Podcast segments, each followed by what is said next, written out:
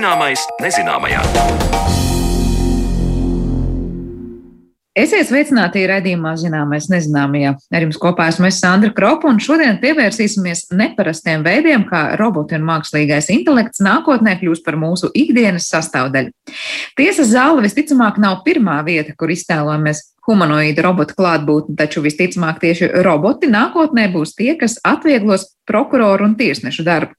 Vai roboti pieņems arī lēmumus un cik leģitīmi būs šādi spriedumi, par to jau drīz runāsim studijām. Līdz tam gan uzzināsim, ko par noziegumu stāsta dabas klusie liecinieki. Pēc dažiem smilšu paraugiem mēs aptuveni varam pateikt, kurā Latvijas vietā cilvēks ir bijis pludmalē, teica valsts tiesu ekspertīžu biroja bioloģisko un ķīmisko ekspertīžu departamenta eksperte Māra Rēpela. Zana Lāca Baltalksne skaidros, kāpēc augsnes un putekšņu paraugiem var sekot noziegumam pa pēdām. Kad 2000. gadu sākumā Latvijas televīzijā sāka demonstrēt seriālu CSI Miami par ekspertu komandu, kas nodarbojas ar dažādu noziegumu izmeklēšanu, noskatījos pirmo sēriju, kurā parādīts, ka pēc viena kvarca graudiņa izmeklētājs nosaka precīzu mājas adresi. Otrā dienā mums ar kolēģi te laboratorijā pienāca vairāki zvani no policijas ar jautājumu, vai arī mēs varam tik precīzi noteikt atrašanās vietu. Nē, Tas ir absurds un izdomājums, un šo seriālu vairāk neskatos. Tā man stāsta valsts tiesu ekspertīžu biroja bioloģisko un ķīmisko ekspertīžu departamenta eksperte Māra Rēpele. Toties smaidot, viņa piebilst, ka Šerloku Holmsu gan var saukt par pirmo augsnes ekspertu. Kā zināms, šis slavenais literārais tēls darbojās 19. gadsimta beigās, un nereizi vien Holms izsaka piezīmes par dubļiem uz cilvēku apaviem, pēc kuriem viņš nosaka to atrašanās vietu Anglijā bet nu pietiks atsaucis uz izdomājumiem. Skatāmies, kā tas notiek šodien un realitātē, kad bioloģisko un ķīmisko ekspertīžu departamenta laboratorijā nonāk augsnes un augu paliekas. Ko ar šiem paraugiem dara eksperts? To stāsta Māra Rēpele. Laboratorijā pie mums nonāk dažādi objekti, izpētes objekti, uz kuriem ir augsne, un augsnes sastāvā ir dažādi putekšņi, ziedputekšņi, sporas, arī augu atliekas. Un tiek iesniegti arī salīdzinošie paraugi no notikuma vietas. Un mēs pārsvarā veicam salīdzinošo izpēti, lai atbildētu uz jautājumu, vai šī augsne, piemēram, uz apaviem, ir no tās vietas, vai cilvēks ir bijis tajā vietā vai nē. Kas ir tie faktori, vai tā ir informācija, ko es vispār drīkst atklāt, kas norāda, no kuras vietas tā augsne ir un kā to var pateikt? Augsne ir komplekss maisījums, kurā ir daudz dažādas lietas, gan ieži, gan minerāli, gan cilvēku darbības rezultātā radušās lietas, gan arī automašīnas plūdes gāzu, oglekļa daļiņas un tam līdzīgi šie neorganiskie faktori, gan arī viss, kas ir sākot no dzīvnieku un augu atliekām, beidzot ar putekšņiem, sporām un vēl daudz dažādām sēņu, dažādiem fosīliem materiāliem. Tas viss ir maisījums, kuru analizē. Un, ja mēs iedomājamies, ka mēs salīdzinām, piemēram, ja mums pasaka, ka mums jāatrod sarkana mašīna pilsētā, vai mums pasaka, ka tā ir sarkana Toyota ar nobrauktām riepām, tas ir katra pazīme, jau mums ļauj sašaurināt šo salīdzināšanu. Mēs nosakām pēc iespējas vairāk pazīmes, tāpēc mēs arī esam divas ekspertes. Viena pēta augsni, otra pēta botāniku. Jā, augstnes ekspertīze ir viena no vissarežģītākajām tiesu ekspertīzēm, jo, kā jau Ieva teica, augstnes sastāvā var būt jebkas. Māras kolēģis Ievas Butovskas pārziņā ir augu paraugu analīze. Tomēr arī viņai savā darbā nākas izmeklēt augsnes paraugus.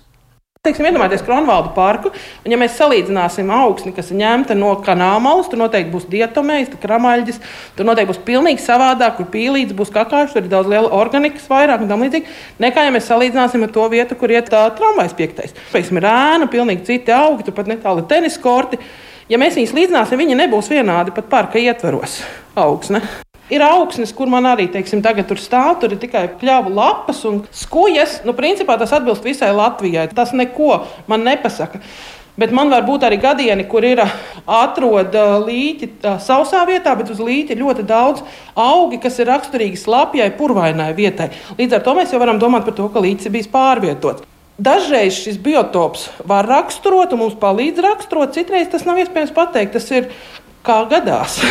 Arī no pašas augsnes viedokļa, kaut arī Latviju mēs varam uzskatīt par daudz maz tādu kā vienveidīgu augsnes ziņā, tomēr ir krasas atšķirības starp meža augsnēm, starp pludmales nogulumiem, starp lauksaimniecības zemēm, kūdras purvi. Tā visa ir augsne. Kā pamatojumu Latvijas daudzveidīgajam zemesklājumam Māra Rēpele rāda ap desmit smilšu paraugu, sākot no teju pulvera konsistences krēmkrāsā līdz rupjgraudainai ķieģeļsārtos toņos. Tie visi ir ņemti mūsu Baltijas jūras piekrastē. Universitātes laikā, bakalaura un, un maģistra studiju laikā es pievērsos pludmales smilšu pētījumiem un tieši ar ievirzi par tiesu ekspertīzi. Un tad rezultāti bija tādi, ka mēs būtībā varētu pateikt vismaz aptuveni vietu, kurā vietā cilvēks ir bijis pludmalē, kurā Latvijas vietā, kurā Latvijas punktā. Mēs paraugojām visu Baltijas jūras pludmali, līci un arī jūru. Tās atšķirības ir un, un tās var pateikt tikai pēc mineraloģiskā sastāva. Ja vēl pievieno klāt botānisko izpēti, tad identifikācija varētu būt diezgan nu, precīza.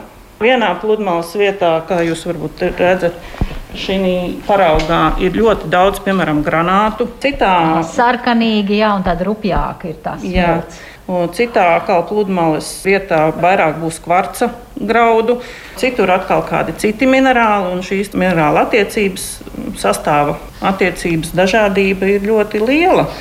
Tās dažādas krāsas, ko jūs redzat, tādu augsne iegūst dažādās vietās, izņemta augsne iegūst pēc dedzināšanas pie 400 grādiem noteiktu laiku un pie 800 grādiem.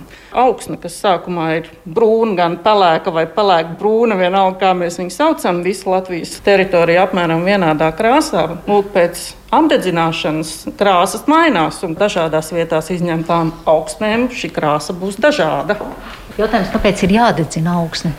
Lai redzētu šīs atšķirības. Jo sākumā, ja paraugi izskatās vienādi, tad pēc mm. apdedzināšanas, ja viņi būs no dažādām vietām ņemti, viņi var mainīt krāsu un izskatīties pavisam savādāk, pavisam tā atšķirīgi. Tā ir viena mašīnas pazīme. Tas ir teiksim, ne tikai, bet viņai ir apdaudzīts uh, lukturs.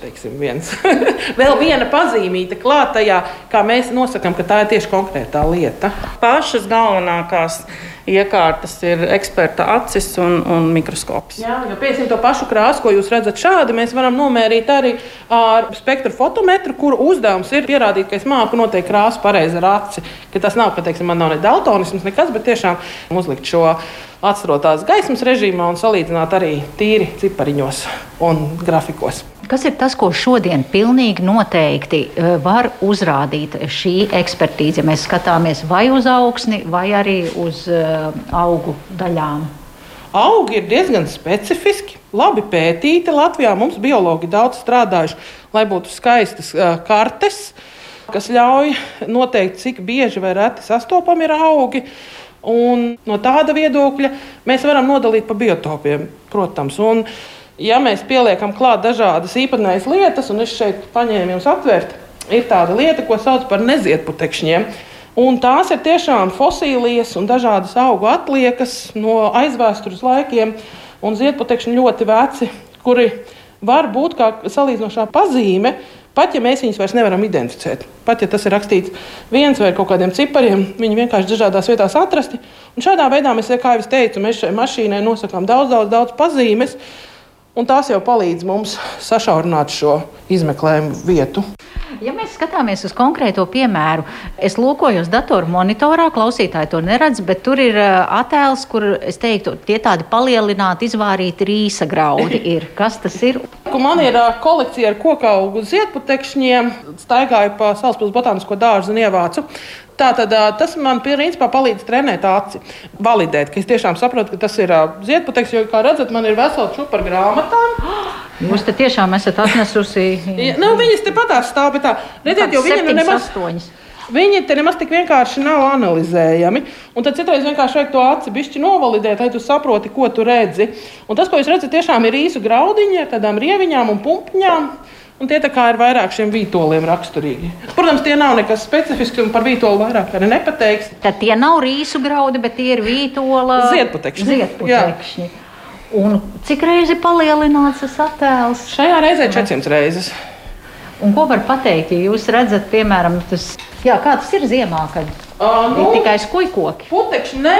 Tas ir interesanti. Liela daļa putekšņu, kas apteiksnējas ar vēju, viņi izkrīt ar nokrišņiem un paliek augstnē, bet tad, kad viņi iekrīt, ja nerēķina pašu pludmali, kurā vienkārši ļoti ātri nodās pilnīgi visa organika, viss pārējais ļoti labi saglabājas augstnēs, un dažas augstnes, sevišķi kā kūdras un tam līdzīgi, tur saglabājas dinozauru laiku putekšņi, tā viņi tur sēž. Un... Nekas ar viņiem nenotiek. Tagad jūs uzlikāt, izskatās, ka zemes rieksta lielumā. Tās ir lilijas. Un redzat, ka viņiem uh, ir tāda tā kā robiņi tajā. Jā. tajā. Tas līdz ar to arī norāda, ka viņi grūti būs iz, izmazgāt, jo viņi vienkārši ir tieksmi pielikt kā sunīši. Atšķirības ir, un kas ir interesanti, ka ziedputekšņi un uh, sporas ir tiešām ļoti specifiski. Un pat ja tu nevari pateikt, kas tas ir, tu vari salīdzināt, jo tev, piemēram, attēlā ir vairāk, tur kaut kāda trīs bumbiņām, ar divām bumbiņām, vai tur bumbiņa ar poriņu un tam līdzīgi. Tad vienkārši skaiti kopā, cik tev to dažādo bumbiņu ir, un beigās tev ir rezultāts. Vai varat atklāt, eh, pateicoties lūk, šādai augsnes un augu palieku putekšņu analīzei, ko jūs pašas esat atklājušas pēc šādas analīzes? Mēs gribētu domāt, ka mums visas ekspertīzes ir diezgan rezultatīvas. Reti, kura sanāk tāda, kur tu nevari neko pateikt. Tādas ir ļoti reti. Vienmēr var pateikt kaut ko. Nu, protams, ka mums ir piemēri, kur ir bijis. Es saku, man bija tas viens piemērs ar to, ka sausā dzelzceļa uzbēruma malā atrod līķi. Nu, ar domu, ka viņi ir notriec vilciens, bet, protams, ka tur ir pazīmes, kas liecina, ka līķis ir bijis pārvietots. Tad noticis varbūt citur noziegums. Vienkārši viņi maskē kā dzelzceļa negadījumu. Ir bijušas reizes, kad uh, augsne viņā vienkārši ir tik daudz dīvainu lietiņu, ka tev pašam iekšā gribas kliegt, jā, nu, cita varianta nevar būt, jo vienkārši neesi redzējis tādus objektus nekur citur. Nu, uz papīra tā nedrīkst teikt. Tā nenotiek. Ja? Kategoriski identificēt augstu tikai pēc viena mums ir jātaisa entie pētījumi. Ir tādi pētījumi veikti. Zinu, ka, teiksim, kā Vācijā DNS tāisa, ka tiešām gandrīz visus kokus parkā ņem un analizē un tam līdzīgi, lai pateiktu, ka tas tiešām tikai iespējams no šī konkrētā koka, no šī konkrētā ozola. Tā arī var darīt. Teiksim, ja augstnē būtu jāņem entie paraugi, pa metram, pusmetram vai tam līdzīgi. Tev tiešām jābūt pilnīgam pārliecinātībai, ka visā tajā apkārtnē, teiksim, vienalga, vai tā ir CS vai Vēnspils vai tam līdzīgi, ka, nu, ka tā ir tiešām tikai konkrētā vietā. Bet citos gadījumos, kas salīdzina, tādas reizes, ka mēs paši, nu, ir tā sajūta, ka nu, ir pareizi, nu, tā kā ir paņemts tā, kā bija jābūt. Tiesu ekspertīzē ir divi galvenie instrumenti. Tas ir mikroskops un eksperta acis. Un tas ir tas, ar ko mēs strādājam. Un tad vēlāk nāk klāt citas smalkas ierīces. Tā teica Māra Reipele un Ieva Butovska. Un vēl jāatceras, ka šajā darbā mēs nevaram būt kategoriskas savos spriedumos, lai nepamatoti nenoveltu vainu uz kādu. Jo vairāk mēs pētām, jo vairāk zinām. Un jo vairāk zinām, jo saprotam, ka varam un drīkstam šaubīties. Tā teica abas ekspertes.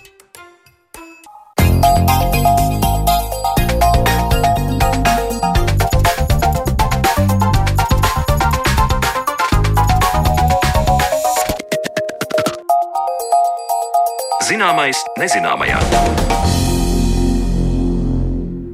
Laikā, kad mākslīgais intelekts un roboti ieņem te ikvienu mūsu dzīves jomu, tie nestāv malā arī jomās, kur tos meklējam vismazāk, piemēram, tiesās.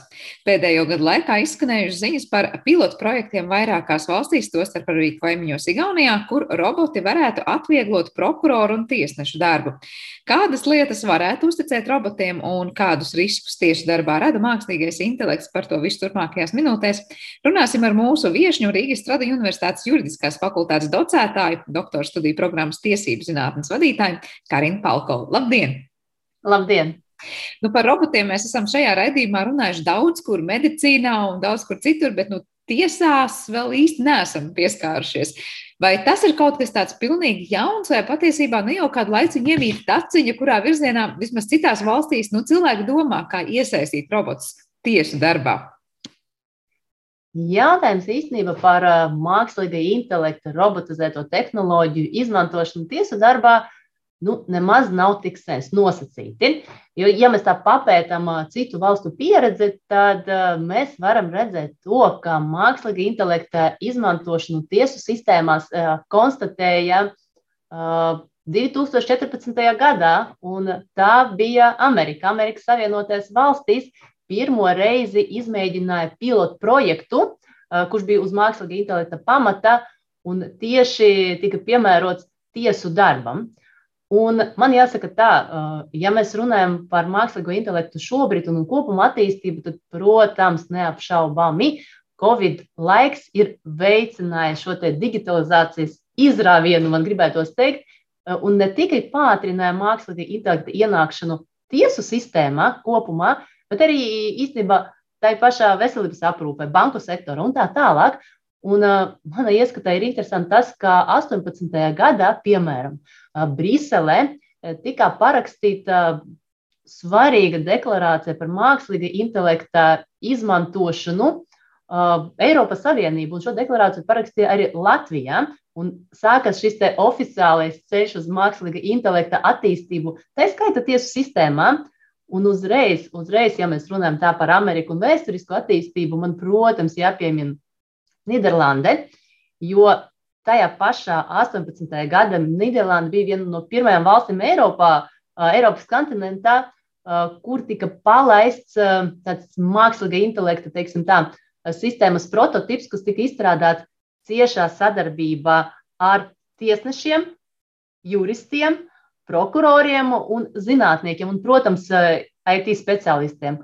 Un arī Austrālija un arī Austrija, starp citu, ir tās valstis, kas izmantoja un arī tagad diezgan intensīvi izmanto šo mākslīgo intelektu. Un, uh, savukārt, piemēram, Austrālijā mākslīgo intelektu sāka izmantot uh, tieši runas atpazīšanas kontekstā, tiesu darbā pirms desmit gadiem, bet tad viņi saskarušies ar problēmu, kad mākslīgā intelekta veidot sistēma nespēja gana kvalitatīvi juridiskus tekstus atspoguļot, teiksim, tā Word formātā, un ar to apstājās viņu attīstība, un šis projekts netika turpināts. Bet, bet, bet Eiropa mēs esam tie pirmie, kas nolēma tiesiski nostiprināt, dokumentāli nostiprināt mākslīgā intelekta politikas pamatnostādnes. Un, protams, šeit mēs kā Eiropa varam lepoties ar to, ka mēs ne tikai praktiski strādājam pie mākslīgā intelekta attīstības kontinenta Eiropas Savienībā, bet arī teiksim, tā, šo te tiesisko, ētisko pusi dokumentāli mēs esam nostiprinājuši. Tad pirmie pasaulē. Tas ir tas, kas ir nostiprināts, bet vai tiesa, ka Ķīna kaut kādā mērā ir arī izrāvusies no uzmanības centrā ar to, ka turpat ir eh, tiesu roboti, ja tā var teikt, kas specializējas, tur viens vairāk darba tiesībās, cits tur citās, eh, un tur tie soļi ir spērti vēl tālāk uz priekšu?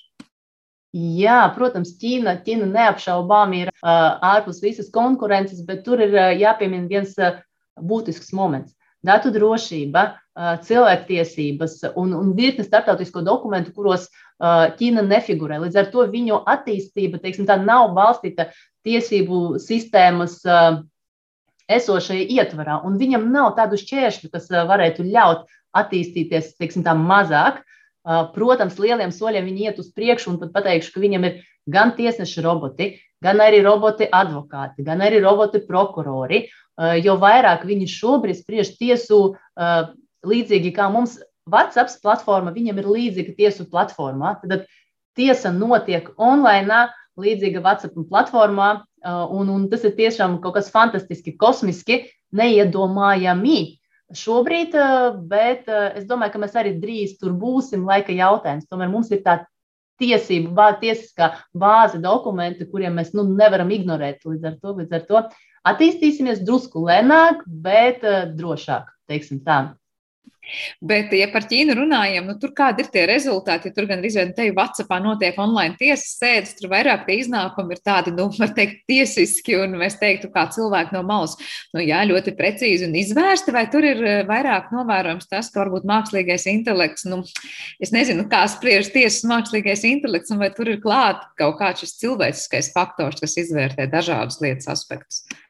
Tad Ķīnā tiek dalīts, dalītais mehānisms. Tā ir lietas, pirmās instances, ja mēs pēc analoģijas runājam, pirmās instances lietas tiek skatītas ņemot vērā mākslīgo intelektu, protams, tehnoloģijas, savukārt apelācijas pārsūdzības, tomēr tiesneši tiek iesaistīti, bet atkal ne visās lietās, ne visas lietas, absolūti tādās sarežģītākajās lietās, kur ir nepieciešams teiksim, tā, cilvēka intelektuālais potenciāls, izvērtējums un tā tālāk. Tad nav jau tā, ka Ķīna absolūti ir digitalizējusi un mākslīgā intelekta izmantošanas rezultātā šo procesu padarījusi par virtuālo. Absolūti nē. Eh, bet, protams, daudz vairāk nekā, nekā mēs. Bet, bet eh, runājot par Ķīnu un arī atgriežoties pie Latvijas, mums ir arī viens tāds svarīgs dokuments, ļoti svaigs dokuments Eiropas parlamenta 2021. gadā eh, pieņemta rezolūcija par mākslīgo intelektu kriminālu tiesībās un policijas un tiesu, tiesu iestāžu, teiksim tā, Eh, darbība, iztenot mākslīgā intelekta izmantošanu krimināla lietās. Mēs ejam eh, tajā virzienā, mēs esam pateikuši Eiropas līmenī, ka mēs izmantojam mākslīgo intelektu arī krimināla lietās.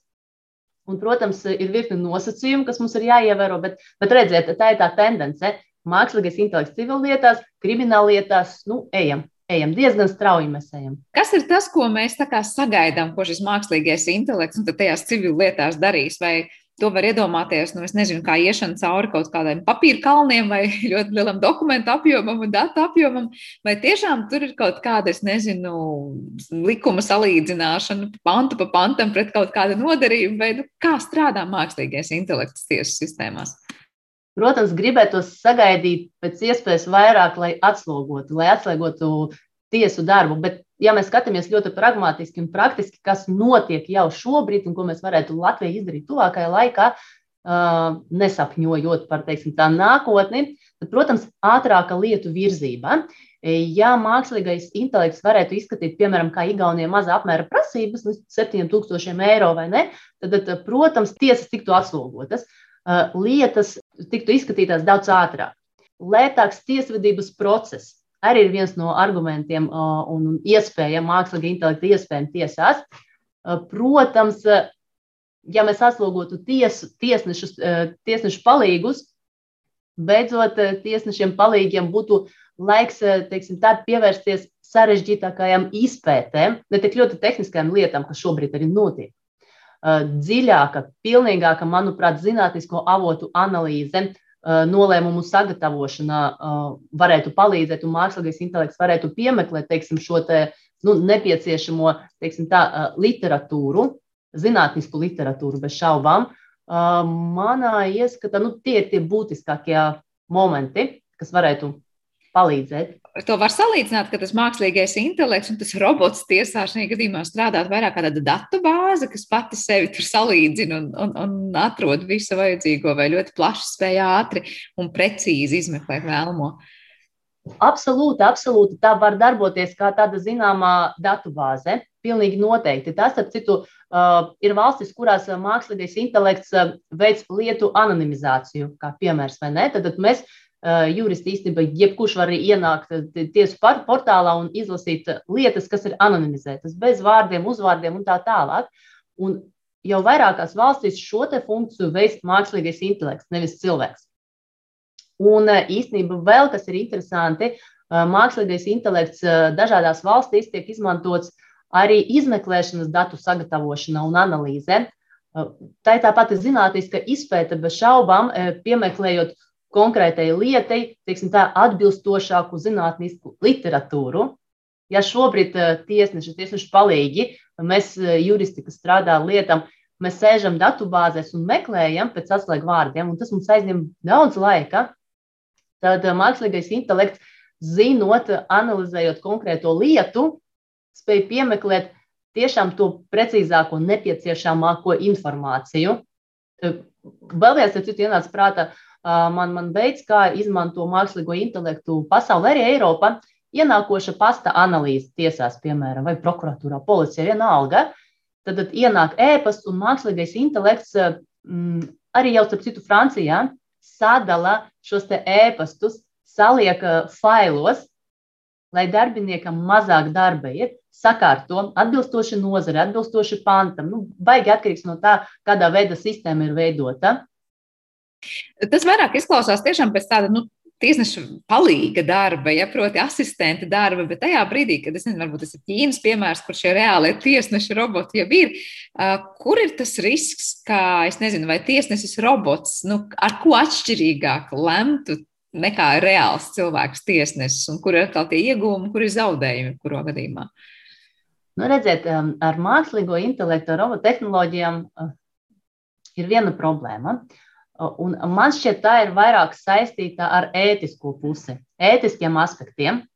Faktiski viss, kas ir emocionāls, visi tie emocionālie momenti, nevar tikt atrisināti mākslīgā intelekta līmenī.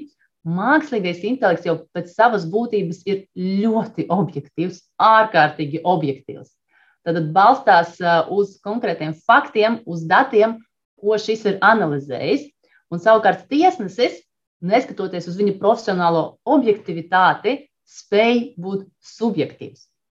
Un šajā gadījumā, protams, izskatot lietas, emocionālas lietas, piemēram, uh, nezinu, paņemsim to sarežģīto izvarošanas, paņemsim uh, saskarsmes tiesību noteikšanu, paņemsim uh, medicīnas tiesībās uh, pacientu teiksim, kādu lietu vai ne, tad ir šis emocionālais moments, morālais moments, un šo, protams, neviena mākslīga intelekta sistēma nevarēs um, objektīvi atspoguļot savā lēmumā, jo mākslīgais intelekts jau arī jau vairāk nedomā abstrakti.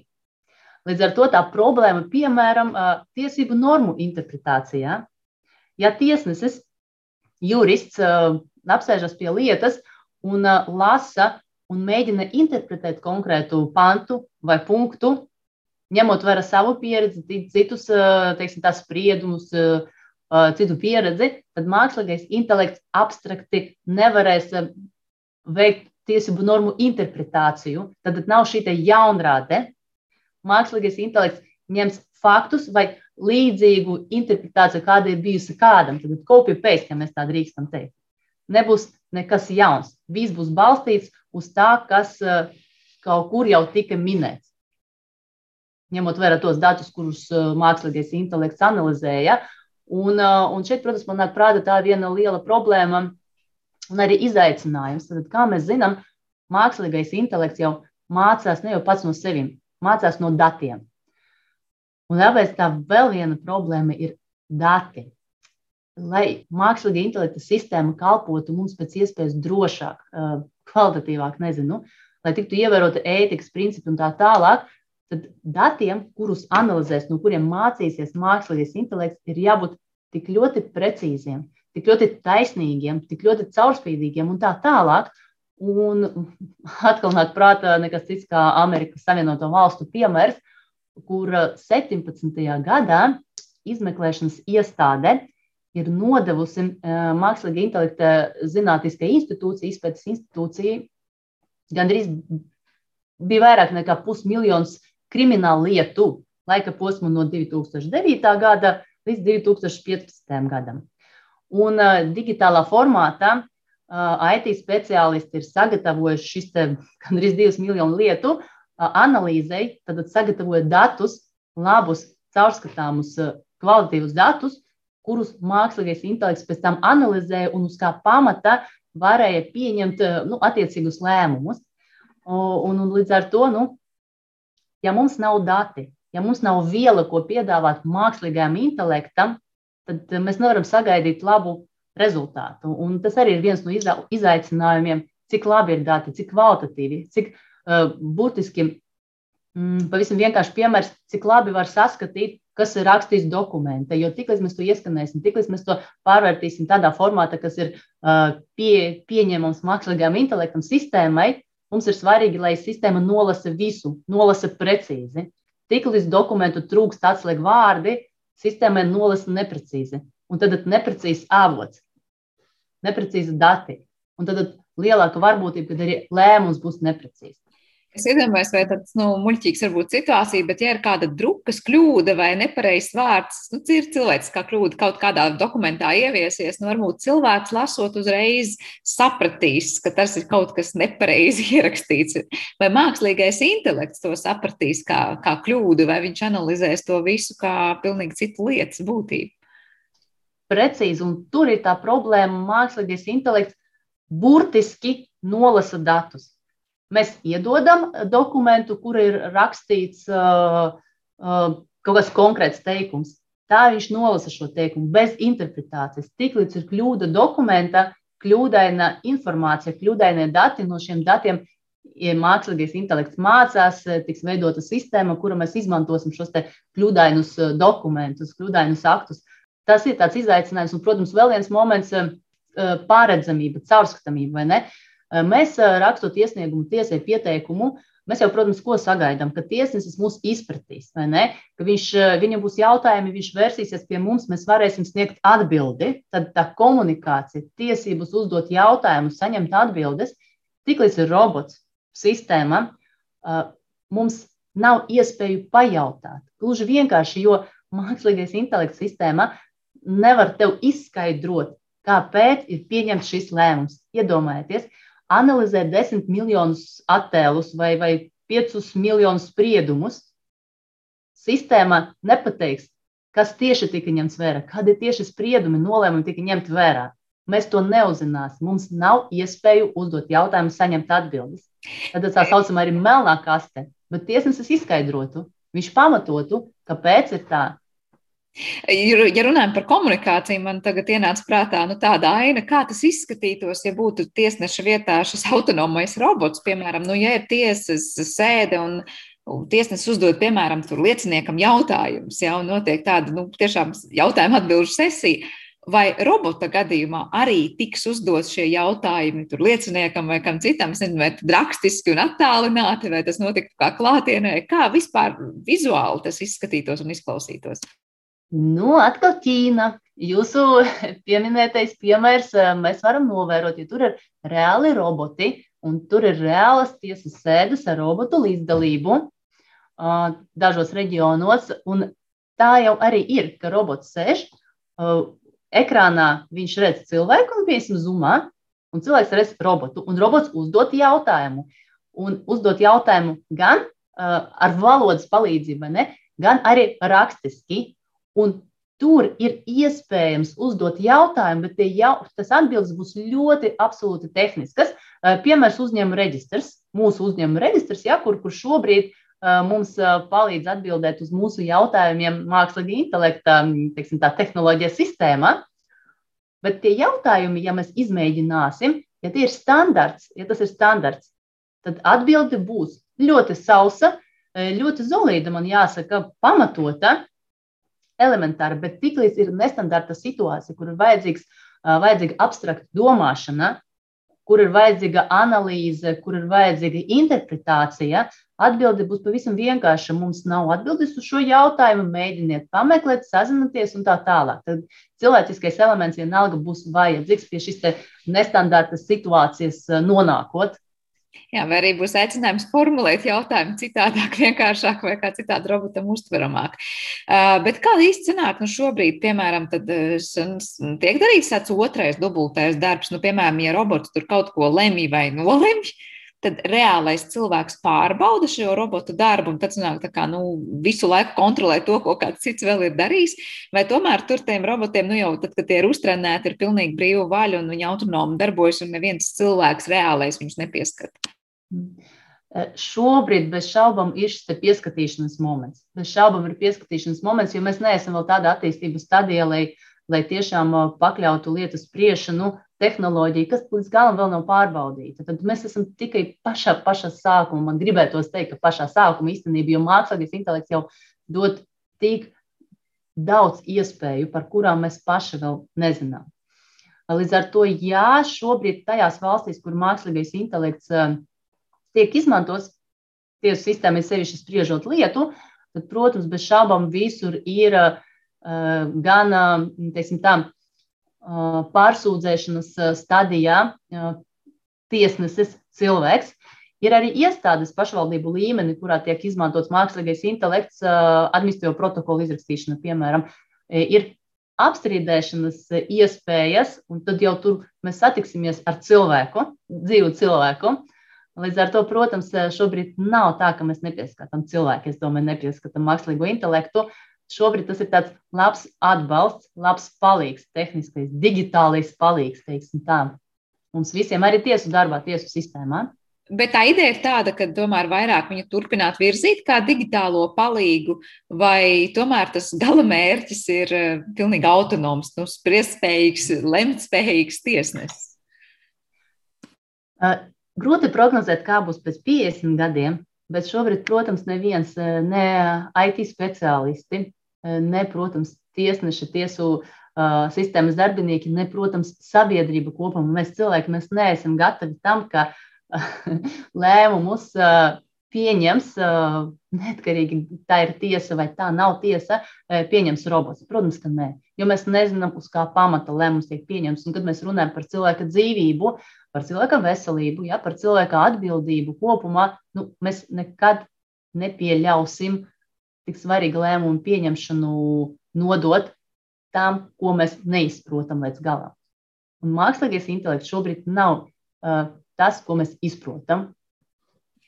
Nu, ja vēl virzāmies uz priekšu lieliem soļiem, varbūt tas būs arvien vairāk izprasts un vairāk uztrenēts. Nu, savukārt, varbūt te nāk par labu tiem, kas saka, nu, korumpēti tiesneši, un savukārt, varbūt mākslīgais intelekts būs objektīvāks un neietekmējamāks.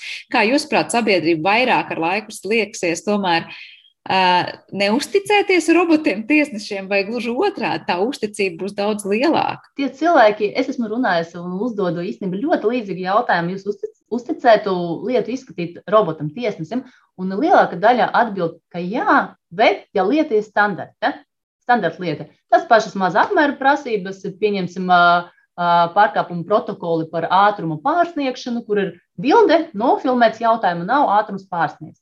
Bet tiklīdz ir emocijas, uzvedība, morālie elementi, tad robots nu, nevarēs. Viņš nespēs. Viņš ļoti sausi skatīsies faktus. Ļoti sausi. Un iedomājamies, nepilngadīgo, uh, kurš ir uh, tā, izdarījis kādu noziegumu. Robots paņemtu pantu un sausi paskatītos, kāds ir pants, cik ir brīvības atņemšana un viss. Nekāda mīkstinoša apstākļa, nekā bet tiesnesis tomēr viņš iejustos, viņš emocionāli, jāsaka tā, ka tiešām emocionāli pieietu šim jautājumam, tiktu izvērtēti emocionāli momenti, morālie momenti, ko robots nespēja darīt. Tā kā es neticu, ka sabiedrība pilnībā paļausies uh, uz uh, robottehnoloģiem, uz mākslīgo intelektu nākotnē visās lietās. Absolūti nē. Sanāk, Tehniskais, jā. Sanāk, ka būs tādi ļoti, ļoti skarbi un strikti tiesneši, ja mēs runājam par robotiem tiesnešiem, kas tiešām neiedziļināsies nekādos citos apstākļos. Jūs te minējāt par to tie, robotu tiesnešu uztrenēšanu, ja proti, kādiem skaidriem un labiem datiem ir jābūt, lai tas mācītos. Kādai vispār ir jābūt sistēmai, lai ko tādu ievies? Nu, droši vien tas nav, ja mēs te pateiksim, nekur citur nekas nestrādā un pēkšņi mums būs tiesas, kur, kurās varbūt būs ļoti gudri un, un uztrenēti roboti, nu, droši vien, ka tur nekas labs nesanāks beig beigās. Kādai ir jābūt sistēmai, tieši sistēmai, vispār valsts sistēmai, lai tajā šādi roboti varētu darboties? Pirmām kārtām man uzreiz nāk prātā, un es uh, tiešām no tā neatkāpšos, ir šī izglītības sistēma. Jo, kā mēs zinām, uh, mēs dzīvojam tādā digitāls, digitālas revolūcijas laikā, mākslīga intelekta revolūcijas laikā, un šī revolūcija ir likusi transformēties vairākām profesijām. Tā ir skaitā arī jurista profesija. Ja? Un, un mēs zinām, ka tiesneši ir juristi, advokāti ir juristi, prokurori ir juristi. Un kamēr juristi, mūsdienās juristi nespratīs šis digitalizācijas nozīmīgumu, mākslīga intelekta ietekmes faktorus uz attiecīgu profesiju, nekas nemainīsies. Un tas, uz ko es tēmēju, bez šaubām jau šobrīd izglītības jomā mums būtu jāpārskata tie pamat elementi, izglītojot uh, juristus. Ja drīkstu, tiešām, manu, manuprāt, Rīgas Stradiņa universitāte ir viens tāds labs piemērs, ja mēs runājam par juristiem. Ne tikai, ne tikai teiksim, mūsu universitāte, es pieļauju arī citas, neesmu pētījusi, bet ir šie kursi studentiem bakalaura, maģistra līmenī, piemēram, kibernoziegumu izmeklēšana, informācijas tehnoloģijas resursu izmantošana, noziedzīgu nodarījumu izdarīšana vai vadības informācijas sistēmas. Tad jau pašā sākumā mēs mācām juristus pamatiem. Bet mēs nevaram augstskolu līmenī iemācīt pamatiem un sniegt šo IT izpratni, ja skolā to nemāca. Un jo vairāk mācās skolā, jo vairāk varam mācīt mēs augstskolās, un jo sagatavotāks būs jurists, kurš pēc tam būs tiesnesis, un viņam būs vieglāk izprast mākslīga intelekta izmantošanu un piemērošanu arī attiecīgajos jautājumos, jo viņš kā jurists speciālists būs gatavs šai transformācijai, un viņš būs atvērts inovācijām, viņš būs atvērts tam, ka ir advok robo advokāts, mākslīgais advokāts, kā viņu sauc eh, pasaulē, mākslīgais advokāts. Tad, uh, tas jurists ar eh, IT izpratni, lielāku izpratni, viņš spēs līdzdarboties mākslīgai intelekta sistēmu izstrādē. Jo kur mums šobrīd ir problēma? Mums ir IT speciālisti, kas veido mākslīgā intelekta sistēmas, bet viņi nav juristi. Un, lai viņi varētu precīzi izstrādāt sistēmu, Viņam ir vajadzīga sistēma, izskaidrot, kas pēc kā nāk, kādiem logiem jābūt, kādai informācijai jābūt, ko ar ko salikt. Tad, nu, teiksim, kā veidot LEGO veidojumu. Un, ja juristam nav IT pamatzināšanu, tad viens otru nesaprot. Runāt dažādās valodās, un, manuprāt, šobrīd ir ļoti svarīgi digitalizācijas laikā šis IT prasmes, kompetences, zināšanas stiprināt tieši juristiem. Tā sadarbība IT un juristi tad viņi jau var strādāt pie kvalitatīvā produkta, pie labas sistēmas, jo viņi saprot viens otru. Te jūs stāstat par to vienu medaļas pusi, kur ir tātad šī sadarbība ar IT pašam juristam, un viņam ir jābūt izglītotam par to, kā saka, nu, to in informācijas tehnoloģiju pusi.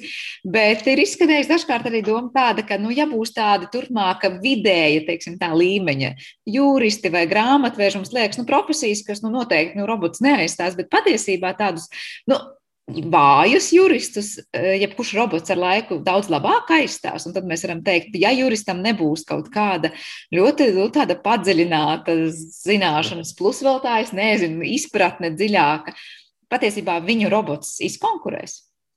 Absolūti, absolūti, es tam piekrītu, izkonkurēs. Jo jau šobrīd ir izkonkurējis, šobrīd lielajos uzņēmumos jau sistēmas gatavo darba līgumus, piemēram, Eh, gatavo iesniegumus, ko darīja juristi. Tad ir tipveida darbi, un tuvāko, ja, tagad jau nav vajadzīgi juristi tipveida dokumentu sagatavošanā, izstrādē. Es domāju, pēc pieciem, septiņiem gadiem mainīsies situācija, un, un patiešām juristi pieprasīti būs tie, kas spēj risināt situācijas nestandarta veidā. Un standarta risinājumu, standarta lietas, standarta dokumentus gatavo sistēmas. Un tas ir pareizi, jo priekš kā mums pārslogot sevi, savu potenciālu, e, ja mēs varam attīstīties radošāk, padziļinātāk un pievērsties sarežģītākajām, no profesionāla viedokļa sarežģītākajām lietām, un tad to tehnisko pusi mēs atstājam mākslīgām intelektam, mēs atstājam sistēmām. Jā, un izskatās, ka Igaunija mums būs atkal soli priekšā, jo es saprotu, Igaunija jau lieliem soļiem virzās šajā virzienā. Nu, redzēsim, kā tas notiek Latvijā, bet noslēdzot mūsu sarunu pavisam īsi. Eh, tad, kad mēs runājām par eh, robotiem medicīnā, tad mēs eh, dzirdējām no nozares ekspertiem, ka patiesībā tās domas diezgan dalās pašu mediķu vidū, nu, kur ir tā kā par un kuri vairāk tā kā pretojas tām idejām. Kā ir tiesnešu vidū, vai ir arī tādas divas frontes, kuras savstarpēji cīnās? Vieni, kuri saka, jā, mums vajag šos digitālos palīgus, un citi saka, nē, mums tos labāk nevajag. Protams, es nevaru paust viedokli par visiem tiesnešiem, bet uh, tie, ar kuriem es biju runājusi, un es, protams, runāju vairāk ar advokātiem, arī juristiem un arī mācību spēkiem, jāsaka tā, ir viedokļi dalās, ir atvērta daļa. Uh, un īstenībā tādu baigošu ķēršļu es neesmu izjutusi.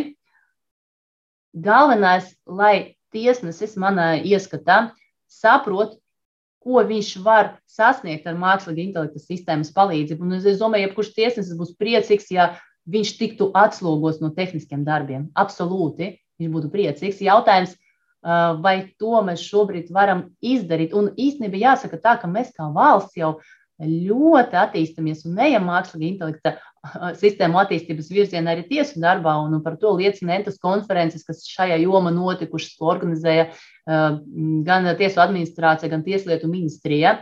Tā kā mēs ejam tajā virzienā, un es domāju, ka tiesneši ir gatavi, jo mums jau paskatīties, mēs jau esam digitālā valsts. Ja mēs papētām, ko mēs kā valsts, kā IT nozares teiksim, speciālisti Latvija ir izdarījuši pasaules mēroga, tad mums ir lieli panākumi. Un, un es tiešām ticu, ka mēs varam attīstīties, mēs varam straujākiem soļiem iet pretī mākslīgā intelekta sistēmu attīstībai arī tiesu sistēmā, bet šobrīd mēs to darām ar zināmu piesardzību. Kāpēc es nemāku izskaidrot, noteikti ir savi iemesli, bet es nedomāju, ka tiesnešam būtu pretestība. Vismaz neesmu dzirdējusi. Jā, nu jūs teicāt, mums ir tie savi uzvaras gājieni arī saistībā ar IT lietām. Ir savas arī, protams, klupšanas akmeņu vietas, par kurām mēs gan jau sabiedrībā, gan visi daudz labi zinām un esam dzirdējuši. Bet, nu, skaidrs ir viens, ka tā tiešām ir nākotne, kas liks sevi manīt. Vēl redzēsim, kurā tieši aspektā un kādā tieši veidolā, bet to, ka roboti sevi pieteiks arī tiesu nozarē, tas pavisam noteikti skaidra lieta. Paldies, Karina, par šo sarunu. Es atgādināšu klausītājiem, ka šajā raidījuma pusstundā mēs bijām kopā Rīgas Tradiņu Universitātes juridiskās fakultātes docētāju un doktora studiju programmas tiesību zinātnes vadītāju Karinu Palkovu. Ar to raidījums ir izskanējis, par to parūpējās producenta Paula Gulbinska, mūzikas redaktors un nebija Girds Bišs, bet ar jums kopā bija es Sandra Kropa. Uz tikšanos!